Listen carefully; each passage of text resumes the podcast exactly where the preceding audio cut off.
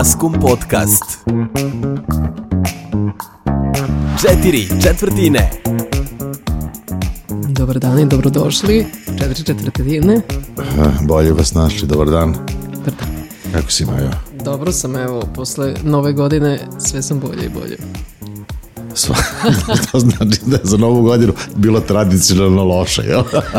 Pa ne, koncerti su bili dobri, ali posle na parkingu smo stradali, tako da ovaj, Da, da, to je, to je obično pravilo. A, svirala si, jel? svirala sam, da, bilo je dosta radno. I kraj e, nove godine, i kraj stare i početak nove. Stvarno, pa to je dobro. Da, da. Pa mislim da će biti dobro, ali kažem, taj parking, kako nas i poslužuju na kraju, e, izlazimo srećni sa koncerta, zadovoljni, puni love. Puni love, Da. pa zato je to. Kada ono... e, Lova je uvek Da. povezana sa, sa nekim problemima. A to ti je to. Izlazimo i zagradilo nas je šest vozila 1. januara i tako da se to malo prolongiralo. Onda kaže organizator, ako vam ovako bude svaka cela godina, bit će dobro. Dobro, sa ovo zovem ali neformalni početak. Imamo kao i obično četiri teme. E, Početak je godine, e, svašta se dešava od jedan put u našem muzičkom univerzumu i u svetu i kod nas. Imamo, da, četiri teme. Prva je, možemo mi da krenemo, Ajde. E, šta ćemo? Ćemo streaming? Prvo ćemo streaming.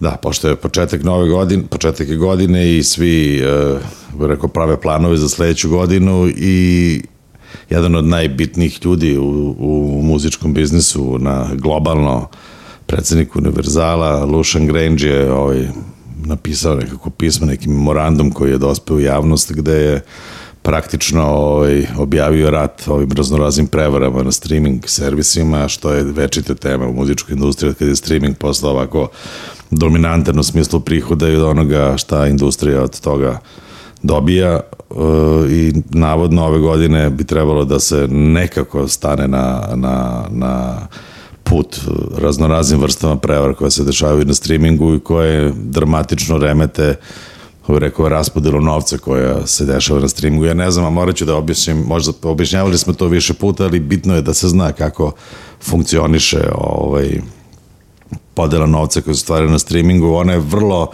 komplikovana i dosta je u sivoj zoni, teško razumljiva, ali ukratko bi to izgledalo ovako, to je model koji se zove pro rata share, gde je, e, kako se rekao, e, e, učešće dolazi pre e, konzumacije, odnosno učešće dolazi ispred onoga što je vaš stvarni performans na, na Spotify ili na bilo kojoj drugoj platformi. To izgleda ovako, znači sav novac koji se prikupi u toku jednog meseca, da li od pretplate, da li od oglašavanja, pošto ima dva modela ovaj, kod streaminga, jedan je freemium, gde korisnici ne plaćaju pretplatu, ali ovaj, slušaju reklame i ograničeno mogu da, da manipulišu muzikom na, na, na platformi i ovi koji plaćaju, znači sav taj novac koji se skupi na jedno mesto, onda se a, izračuna procentualno, što je vrlo bitno, znači procentualno učešće e, svake od pesama u okviru ovaj, svih streaminga. Znači, definiša se broj ovaj, streaminga koji ti imaš, nego procenat koliko jedna pesma ima učešće u okupnom broju streaminga ovaj, na mesečnom nivou. Tako da recimo ako imaš 0,001% jedna od tvojih pesama učestvuje na streamingu, ti ćeš dobiti 0,001% procenat ovaj, od prihoda koji se, koji se tu prave. Uh, to znači da je ta, taj prihod je variabilan, on nije uvek isti, znači ne postoji fiksirana cena za jedan streaming, što veliki broj ljudi ne zna, nego je ona uvek variabilna, svaki svakog meseca se menja. I sada kada se radi o tako jel, ogromnom broju o, o, brojevima i kada mora da se savira tako da, tako da i minimalna pomeranja i na drugoj, trećoj, četvrtoj petoj decimale prave, prave ozbiljnu razliku. Znači, tako se novac deli. E, sada šta ljudi rade? Imaš dve vrste prevara. Jedna su ovi koji kupe na desetine ili stotine akaunta i onda vrte svoje pesme i prosto, bih rekao, povećavaju broj streamova veštačkih koji imaju tako da je odbače novac u svoju stranu. Ima nešto drugo, sada što je postalo dosta popularno tokom 22. godine, to su uh, raznorazne uh, muzike za raznorazna raspoloženja koje se uglavnom ovaj, kako rekao, uh, veštački proizvode pravih algoritmi, pravih kompjuteri koji se onda ubacuju na stotine i stotine, hiljade i hiljade playlista koje su vezane za različite stvari tipa doručak ujutru, fitness i tako dalje. pošto je to jako popularno na streaming servisima, mali broj ljudi koji koriste streaming zaista ide pa sluša albume, velika većina, skoro 80% ovaj, praktično konzumira muziku preko playlista i onda ima ogroman broj, to je sad već postalo onako dramatično primetno tih uh, muzika koji izvode ljudi koji nemaju ime, koji ne postoje, kada ih googluješ, to su izvođači XY koji realno ne postoje. I sumnja se da jedan deo dolazi do firmi koje to rade samostalno, ali da čak i i same platforme ovaj, imaju interesa da proizvode takvu muziku i da ih, da ih postavljaju na, na, na hiljade i hiljade playlista i usmeravaju slušaoce ka tim playlistama, ne bi li im praktično ostajalo više para od svega toga. To je sad došlo, došlo do neke kritične tačke da je muzička industrija prava, znači diskografske kuće i velike i male, koje zaista ulažu u, rekao, u kreativnu proizvodnju muzike, ono što mi, kad mi pričamo o muzici, na to mislimo, to je sad počelo ozbiljno da ih, ovaj, da ih ugrožava i da im, da im oduzima jako veliki procenat prihoda od, od svega toga, tako da ovo, oni ovo najavljuju za 2023. da će ovaj, pokrenuti ozbiljan rat u tom pravcu i da će pokušati to da da, ovaj, da spuste na apsolutni minimum. Ja nisam siguran da će uspeti, pošto verovatno su i platforme delom zainteresovane da ovako stanje se sadrži, tako da će to najverovatnije utjecati na, na pregovore u budućnosti između velikih kompanija, a i velikih ono, indie kompanija sa, sa, sa platformama u smislu da se ta vrsta prevara ovaj, svede na apsolutni minimum ako ne može u potpunosti da se eliminiše to je nešto što je onako, će biti sigurno velika priča 2023. to ćemo pratiti, vidjet ćemo da li će industrija ova legitimno, jel, uspeti da se izbori sa raznoraznim tim prevarantima, ali, kako bih rekao, na, s muziku, kod muzike uvijek ima ljudi, od, od piraterije pa do sada do varanja na streamingu, nažalost, muzička industrija uvek patila ovaj, od raznoraznih tipova koji su upadali sa strane i pokušavali da nađu neki kraći put do, do prilično velike zarade u ovom trenutku. Da, a čekaj, kaže nam ti to pravilo 30 sekundi na Spotify-u? Da, ima i to, to je sad još jedna stvar, da, zaboravio sam. Uh, posle 30. sekunde se računa kao da se preslušala cela pesma, onda se na, praktično se tretira ta pesma kao nešto što je preslušano do kraja i rekao, stekli uslove da bude isplaćeno po, po tom streamingu. Tako da i to je sada detektovano da postoje na, na desetine hiljada pesama koje su 31 sekunda, ovaj, trajanje. Budućnost. Muzika. Da, da. Ovaj, koji se ubacuju tako, znaš, na neka čudna mesta na playlistama, 11. mesto, 23. 30. ti to ni ne detektuješ kada, kada pustiš neku playlistu, pro, prođe ti 31 sekunda, međutim, to se i to, ovaj, kako se zove, ostvari neki prihodi. Sada kada to multiplikuješ, jel, na neki jako visok stepen multiplikacije, onda dobiješ dosta pozamašne sume. Uh, raznorazne su špekulacije, priča se da je čak možda blizu i 10% od onoga što se ovaj, ovaj, mesečno ostvari na, na, na streaming platformama ode na takvu vrstu na, na takvu vrstu prevara, što je dramatično veliki, veliki iznos. Da, zanimljivo vidiš. Da. Treba praviti ove ne, ne, ljudima svašta pada na pamet, pa mislim to je rekao, to je, da, to je čudnovato je kada tehnologija toliko dominira nekom industrijom kao što je ovo sada posebno kompjuter internet, tako da je tu sada je starna borba između oni koji kreativno zaista pristupaju industriji i oni koji nalaze tu način da jel, dođu do, do brze i, i lake love, što je poslednje vreme postalo dosta popularno. ne, znači, samo u muzici. Sad napraviš album osam pesama i osam nekih introa od po 31 možeš, da, da, da, 16. Da, da, a, nije loš. A možeš napraviš puno takvih albuma, ali onda možeš da imaš nekog vrtaka koji će da te stavi na, na puno raznoraznih playlista, što je moguće. Da. Ovaj, recimo, Imamo ovom maskom. Da, pa možeš, da, možemo i to, da, ali a, nemamo mi dovoljno tih playlista, ali recimo, evo zamisli, da imaš nekog ortaka koji radi u Spotify na playlistingu, ovaj, dogovoriš se sa njim, kažeš, aj napravit ću jedno stotinjak ili par stotina, to je jednostavno, jel, muzičkih uradaka ovaj, koji traju 31 sekundu, ti ćeš to postaviti na par stotina playlista i to će slušati x da. miliona ljudi na mesečnom nivou i eto, finog džeparca. Dobro, znači dali smo predlog za biznis. Uh, ne, ne, ne, ne, ovo ne prelažemo, ne, mi se, mi, uh, mi smo... Uh, mi smo protiv toga. Da, bit će mi telom protiv, protiv takih akcija, ali sasvim sam siguran, pošto je to toliko ovaj, to je toliko uzelo maha da sigurno ima nekog i, i, i kod nas i u našem neposrednom okruženju ko to radi. Inače, e, ne znam da li sam to ikad rekao, e, zemlja koja ima e, zemlja s koje dolazi najveći broj fake streamova, odnosno streamova ne ovog tipa, nego onog gde postoje farme i vrte jedne te iste pesme non stop je iz Austrije. Možda to nešto govori. Znači, ako nas slušate u Austriji,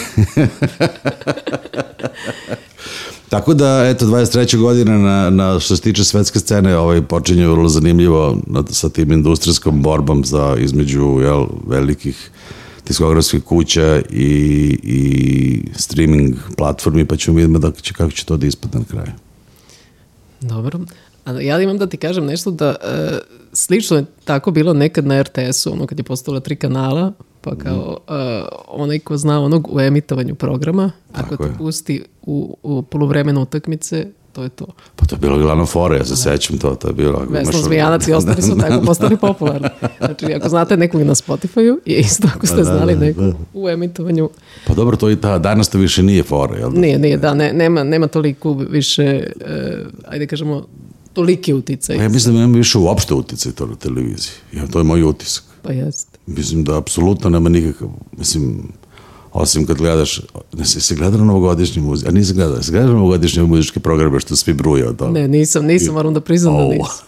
to je, to Na je stvarno, RTS-u ili na nekom drugom? Za šta? pa na, na RTS je bio ubedljivo najgori. Možda zato što ovi su naivni građani imali neke očekivanja da će tu nešto da bude. Ovo drugo je bilo, mislim da je čak Pink uh, dosta inteligentno, što je njima svojstveno, čak nije ni pravio novi, nego je pušteno od prošle godine, pošto to sve je uvijek isto, razumeš, to je ono po selu, oni stanu svi na, ovaj, na onu binu i tako pevaju te neke pesme, onako, zeznaš se krevelje.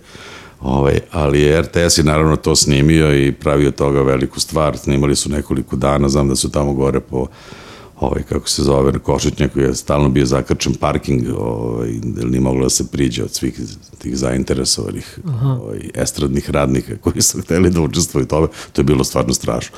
A onda je još između bacivali neke skečeve iz neke serije koje se sad tamo emituju, koji su bili ko da ih je pisao neko nepismen, mislim, potpuno nesmešni, neduhoviti, predugački, tako da je to bilo strašno. Plus, što je najluđe, oni teraju ove svoje voditelje koji kao glume neke ozbiljne ljude, vode jutarnji program, vode dnevike, da se tamo krevalje, obuku ih u neke krinoline, onda oni pevaju, nešto dižu čašu vis, mislim, bože me sačuva, Čekaj, bio ima Medović? Jel bio? Bio je. Je bio i Memedović jadan on. Ja mislim da se to njemu ne radi. Meni on simpatičan jedini od tih likova tamo. Tako da je to bilo baš e, prilično skandalozno u našem najboljem, kako bih rekao, u najboljem RTS-ovskom maniru, tako da Dobro, ali ima RTS-ih lepih strana, nemojmo tako. Evo sad ima ovaj konkurs. ima i lepu zgradu u centru grada. Pa misliš? Ne, ima, ima lepih, ima i lepih e, emisija i lepih nekih stvari. Nije, nije ceo ta... Dobro, Maja, šta Maja voli tako sve sa svima da bude fino. Da E, kaže, ima lepo. Ima ono što, što ja podržavam, to je e, ovo što radi Branka Glavanjić Mhm. u Bunt, e, Buntu. Napravila jedan projekat još odavno koji se zove Bunt Rock Festival i upravo sada je konkurs za to, tako da ako pogledate malo po njihovim mrežama, možete da vidite e, ko sve može da se prijavi i ono što je značajno da možda sad e, mi se čini da je ušao malo i trep kao neka mogućnost da može da se pojavi na RTS-u u okviru neke emisije koja je bila samo rock and roll. Što će reći da kao konkurs možete biti rock, pop, trap i A može i rap, može hip hop, Da, može, može, sve. Pa može, dobro, to, da, to nije da. loše, RTS polako, ali sigurno ovaj, otvara svoje vrata i za druge, za, za druge mužičke žanrove. Pa dobro, vidi, zaključili smo jedan od prethodnih epizoda da dolazi definitivno do smene generacije i da je ovaj novi zvuk koji ovde klinci vole, mislim, kako rekao, nije ovaj tradicionalni pop rock kako ga mi znamo, jel? Tako da je dobar trenutak za to. A šta misliš sad, e, bila je na Eurosongu e, Konstrakta, sad je Beovizija još malo. Da, da, da, već je Ti znaš kakvi su to uslovi za bendove? Pa ne, da, to je, da, sad ću ja opet, nemoj da bude cela emisija kako ja nešto pričam protiv, protiv RTS, ali stvarno je tako, oni sami prave takve gluposti i ja moram ponovo to da podcrtam, dakle, Ove, RTS je ponovo raspisao konkurs za, jel, za, za Beo Song i naravno opet u uslovima konkursa ima, ima stvari koje su apsolutno ovaj, neprihvatljive sa, sa, jel, sa mnogo aspekata. Da skratim, jel, da ne ide mnogo široko, RTS da bi učestvovao na, na Eurosongu moraš da a, se odrekneš čist svojih autorskih i imovinskih srodnih prava u korist RTS-a, praktično da im pokloniš ovaj, svoju ovaj, intelektualnu svojinu, da im daš, da im predaš u ruke i da posle ne možeš tim ništa da radiš.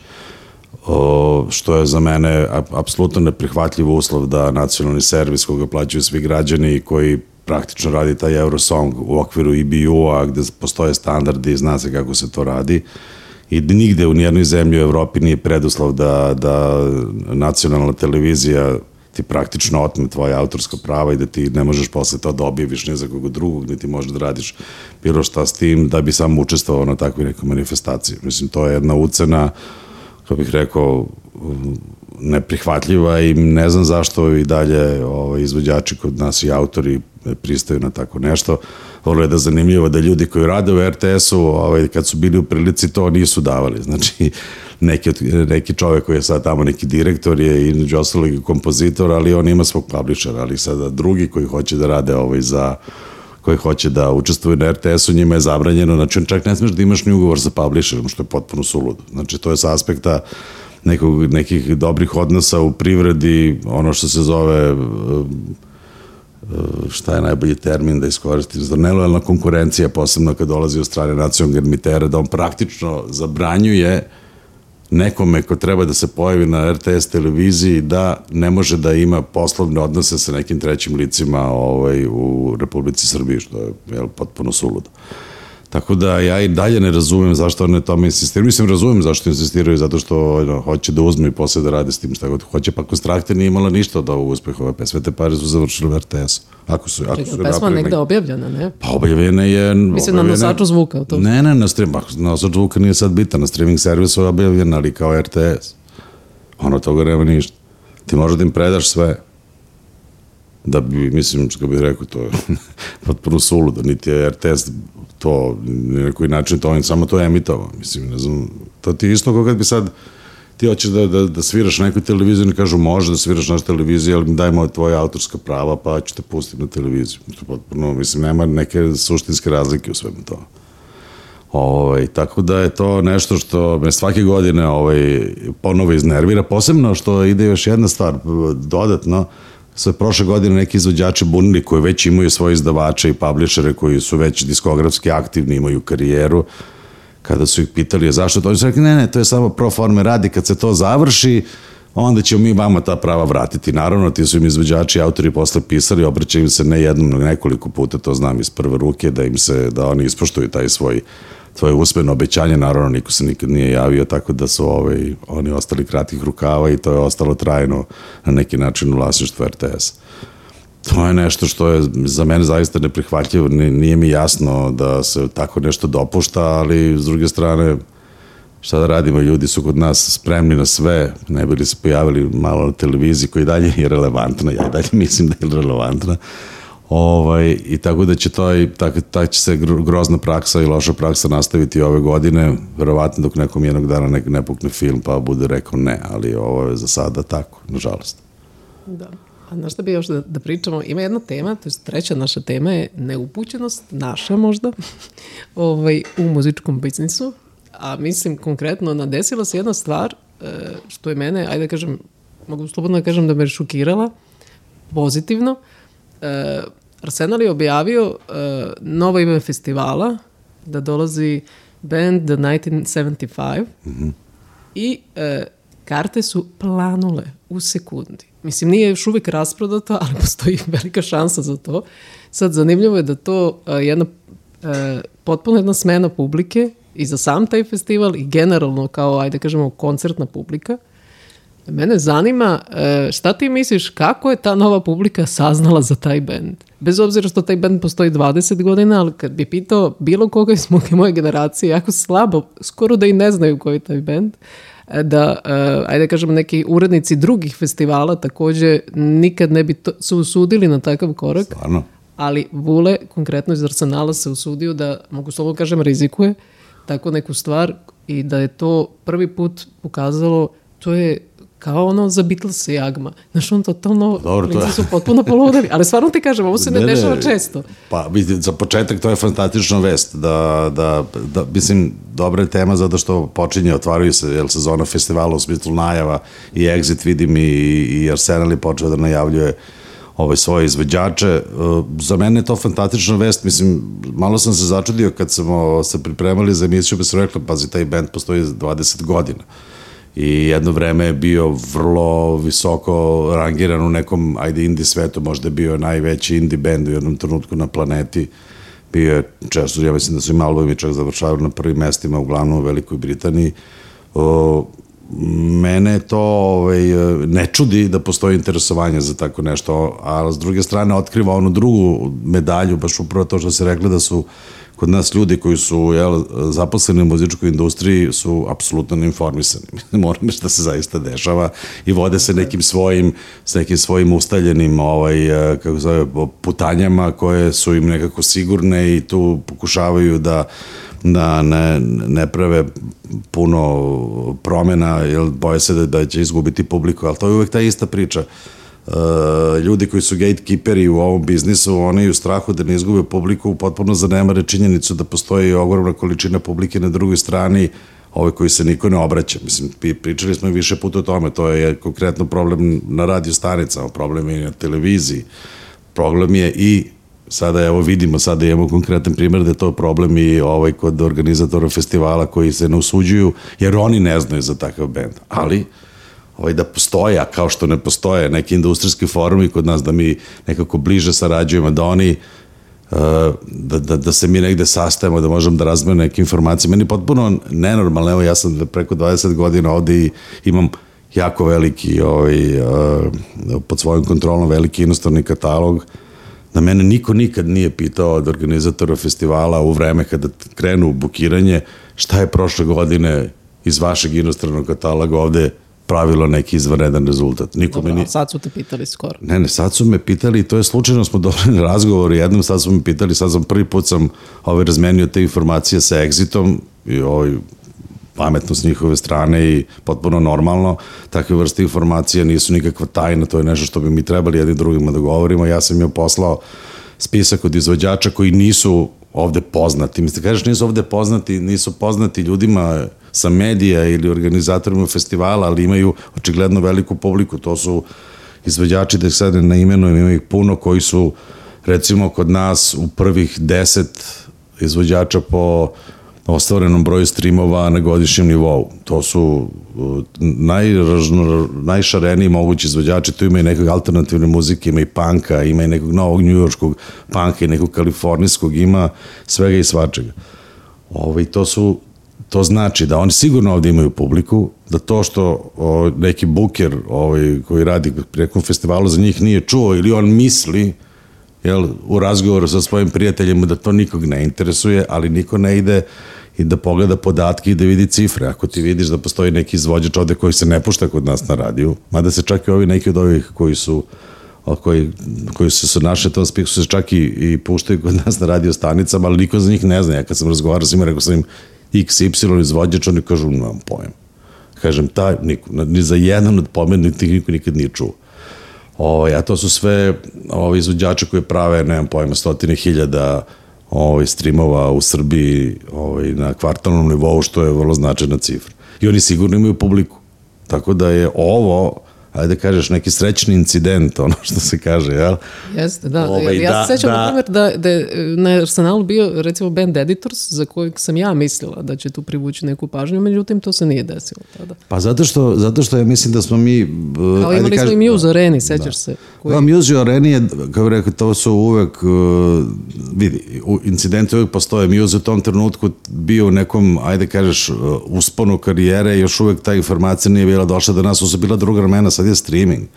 Ti sada, kod nas publika može bukvalno 24 sata da, da, da sazna šta je aktivno, aktuelno i da to počne da konzumira. To, kad je Muse dolazio, to je skoro pre 20 godina, to nije bio slučaj, bili smo još u eri kompakt diskova i tako dalje. Sad je to, kako bih rekao, ti imaš YouTube, postoje streaming servisi, ovoj publici po- posebno mlađoj, ona se više ne informiše na radiju na televiziji.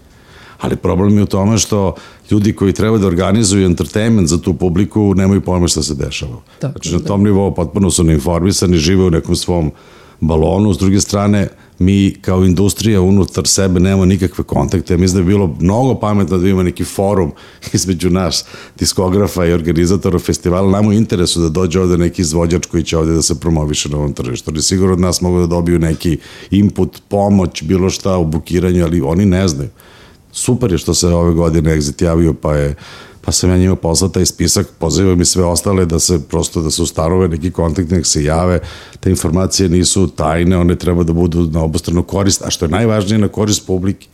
I da se ta nova neka generacija klinaca ovaj dovede i da se zainteresuje za da se zainteresuje za za ali super super vest odlično nadam se da će biti najuspešniji mogući ovaj Arsenal ove godine i nadam se da će crna lista tamo nastupiti Da, pa mogu da ti sredim ispred uh, ovog benda. Ja za, vidi, zato, te, zato ja ću ti dam spisak. ne, ne, a, a, ali a, apelujem sada i na tebe, pošto si ti dosta aktivna u tom, ovaj, tom kako bih rekao, booking svetu i festivalskom svetu, da, da mi otvorimo te linije komunikacije, ja ću sa svakim vrlo rado da podelim ovaj, naše diskografske uspehe i da na osnovu toga ne da, mislim da damo neke smernice ko bi eventualno mogu da se dovede. Sigurno bi mogli da nađemo sada pet izvođača koji ovde napravili totalnu senzaciju koju niko živ nije čuo. Čak ni ti nije. 100%. Dobro, ajde da pričamo sad uh, o nečemu što je u poslednjih par dana, tačnije 8 dana, uh, izazvalo baš veliku uh, pometnju na digitalnim platformama. To je, mi sad idemo na ovaj gender, gender da, equality da, segment. Da, gde su dame u poslednjih uh, 10 dana zavladale svetom u popu, roku i uh, ajde, I u, i u, u svemu. Na, znači, o čemu se radi? Prvo imamo uh, Shakiru, Miley Cyrus i Madonu. To ćemo da pričamo sad malo što, kako su one... Trio Fantasticus. Da. Pa uh, za Shakiru ispričaj mi ti, ja sam, ti, ja sam delimično pratio, ali... Shakira je pre jedno, uh, ajde da kažemo, evo tačno, uh, osam dana ili devet dana objavila svoju pesmu uh, koja je na španskom, posvećena njenom bivšem mužu i izazvala veliko interesovanje, tako da je došla na, do, sad ću da vam kažem tačno, do 168 miliona pregleda samo na YouTube-u, znači ne U računamo kom vremenskom periodu? 8 dana, 9 dana tačno. Pa dobro, to je impresivan rezultat. Pa i tekako, da. Ali, uh, je li dobra pesma ili je tema ova osvetnička? Ono, znači, vidi, kad se žene svet, to je, to je strašno dobra tema. Mislim, kako bih da rekao, mislim sad, ajde, ja se osjećam ovde kao ugrožena strana, je li, je Mislim da je do teme. osvetnička pesma muška je bez veze, realno. To, to nikad ne prolazi, jer ove osvetničke ženske pesme, to je apsolutna senzacija. Tako je. Ja mislim da je do teme i svako je išao na prevod, čak ima u stvari titl dole. I dobro, i on je malo svojom reakcijom na tu pesmu potpomogao da se ta pesma još više ovaj, uzdigne. Tako da mislim da, da ovo Pa dobro, vidi, viđamo za ovoliko da kratko vremena. Popularna muzika uvijek bila dobra platforma za te ovaj, za, za, za teme kada je žena ostavljena ili napuštena ili kad ode ili kad je srce slomljeno. Ja, ja to razumem da je to, to je univerzalna tema. Mnogo intenzivnija, mnogo jače nego, mislim kad, kad žena ostaje muškarca, šta, ništa. Mislim, sedi i svira blues. Da, ali e, to nikog ne zanima. znaš, nekako od uvek je bilo ta kao muška i ženska poezija da e, jasno je da su muškarci uvek bili nekako romantici i e, u pesmama, ajde kažem, nežniji, a e, žene dosta konkretnije da, da, i ostaje ljub, osvetoljubivije, jel? i iskrenije. Pa iskreno, ne, ja mislim ne, ja sam potpuno na njihovoj strani da ne bude da sad ovaj, ovo klatno ovaj, uh, ravnopravnosti polova u, na, u našem programu ovaj, se ide levo ili desno, to ne bi moglo, pošto mi smo ipak 50-50, jel ovde? Mi smo potpuno ravnopravni u Jeste, smislu da. polova u četiri četvrtine. Odlično, mislim, ja mislim da žene dominiraju pop muzikom već Ovaj, stvari da, da su one nekako, čini mi se dominantne, evo danas u ovom, da, danas, ko, ko su superstarovi, kao Taylor Swift, Koja je isto ovo uradila kao... Miley Cyrus, Miley Cyrus, evo da. Shakira sada ima neku, neki ovaj povratak u karijeri, ali znaš kad pričaš o pop muzici, uglavnom su nekako žene, evo sad i Madonna sa ovom, sa ovom ovaj, Turnejom. sa turnejom, pod ničim izazvano od jedan put, to ćemo ovaj, sad još malo samo da se vratimo umeđu vremenu. Ja sam pratio, pošto ja volim ovaj Miley Cyrus, meni je ona super. Mislim da je jako dobra pevačica i da to što radi se radi. On isto napravio neku senzaciju, ima novi single, zove se Flowers, ona je napravila za 7 dana preko 100 miliona streamova na Spotify-u i oborila istorijski rekord, znači nikada u istoriji od kad jel, računamo streaming, nijedna pesma nije napravila 100 miliona na, na toj platformi. U, A na YouTube 73 miliona za 8 dana. a više, To je- više, na, više, manje, više na, Duplo manje nego, na, nego Shakira. Da, pa dobro znam, ali kod Shakira je bio prevod, ja mislim da je to bilo fora, da su ljudi čitali taj prevod. Mislim, ja sam danas to ovaj, pročitao. Vidim tamo nešto, ga zeza za sat, pa ga zeza za kola, pa... Malo mi ga je bilo žao, zamislite kako ga zeze kao da je u slačionicu sad treba da ide da izađe na teren i oni ga kao ja... Pa dobro, Šta mislim da je to... te, a? Mislim da je to on oberučki prihvatio, a malo je i potpomogao da ta popularnost... Ovaj, misliš da je- ne, znam, ne znam samo šta će da radi Casio. A, pa da, pa da. Vidi, sigurno ćemo skočiti prodaja. Mislim da je to dobro za, za, za sve učesnike u igri. No, da, da, da, da nastavimo sa dominacijom ovaj, ovaj, žena u pop muzici, jel, Madonna večita, kako bih rekao sad, tema u pop Kraljica. muzici, kraljica, jel, je na TikToku ili pre neki dan na nekoj društvenih mreža onako objavila da će ići na, na, na, na svetsku turneju povodom 40 godina, zove se Celebration turneja i ali stvarno potpuno izvan mojih očekivanja je napravila nenormalnu ovaj, prodaju svojih karata, tako da je u prvih 7 dana su dodali dodatnih 13 koncerata, London su prodali prva dva Rekordno, dana da. odma, pa su dodali treći dan, pa su dodali četvrti dan, tako da će svirati četiri dana u Londonu, što je potpuno nevjerovatno, obzirom da je Ja mogu samo da dodam kad si već kod Londona za VIP kartu 608 funti košta. Tako da ko želi e, može da ide. A u Amsterdamu cena karte je 200 eura. 200 eura. Da. Ali bi išla ti?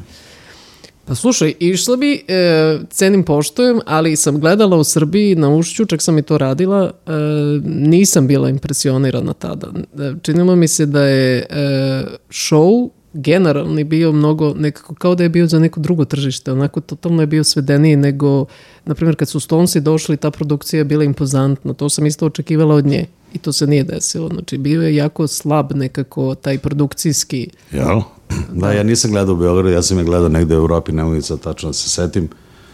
Mislim na neku od ovih velikih gradova i bilo je, mislim, nisam bio, ja sam, moram reći, ja sam fan, ja, ja sam slušao Madonu, ovaj, najviše volim onaj American Live album, onaj, onaj čudni, onaj, onaj indie elektronika album, taj mi se najviše dopao. Čekaj, šta misliš, otkud sad ova pomama za nju? Pa ne, znam, ne, ne znam, evo sad, uh, ne, Možda je to posle korone da su ljudi Ne, ne, ne, ne znam, ne znam, Željeli. Madonna je, očigledno, Ma- Madonna je neka konstanta i neka stalna vrednost koja u svetu popularne muzike je prosto tu, mislim kao i Rolling Stones, ono će očigledno da uđe u tu fazu kako god bude išao turnej, to će biti sold out, jer to je neka očigledno vrednost koja je uspela da bih rekao, da, da, da, da prevaziđe tu vremensku granicu, pazi, to su pesme stare 40 godina, znači to, to je stvarno, ima karijeru od 40 godina, to je stvarno mnogo, posebno za pop muziku, za rock and roll, kako bih rekao, nekako uh, bolje stari, jel? Pop muzika baš onako loše stari, mislim da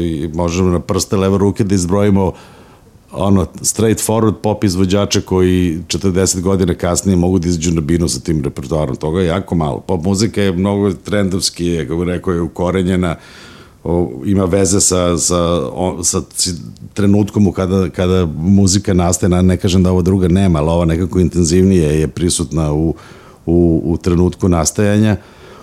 Ja ne znam, mislim, Madonna je očigledno očigledno uspela da, da, ovaj, da, da prevaziđe sve te barijere koje se postavaju pred pop muziku i da postane jel, neka vrednost koja će večito da traje. Ali ako ovo sad bude uspešno, očigledno će biti po prodaji karata, ovaj, to se već vidi, mislim da će ona nekako da prevaziđe igricu i da postane nekako večna. Ne znam. Da, nemamo je nešto baš u okruženju, najbliže je šta Italija, jel tako? Dobro, ali ja mislim da ob- obično ove turneje tako i krenu, one se prvo prodaju po ovom delu i onda ona krenu kasnije da dodaju ove, ove zemlje pobodu, istočna Evropa i to, to će sigurno će nešto, sigurno će biti neka Mađarska, bit će Rumunija, verovatno, Grčka, mislim, to mora da se desi. Tako da, super, drago mi je za nju, a i prodavat će se više Madonanih ploča, što mi je takođe drago. Tako da, ako želite na koncert, požurite. Pa, pa, Karte, samo što nisu planule, bukvalno za sve gradove. za sve gradove. Uf, da. smo ušli u 35. minut, vreme je da, da završavamo ovaj, ovu epizodu uh, podcasta četiri četvrtine. Uh, hvala Maja na druženju i ostaćemo za uvek uh, gender equal. Slažem se. Maskum Podcast.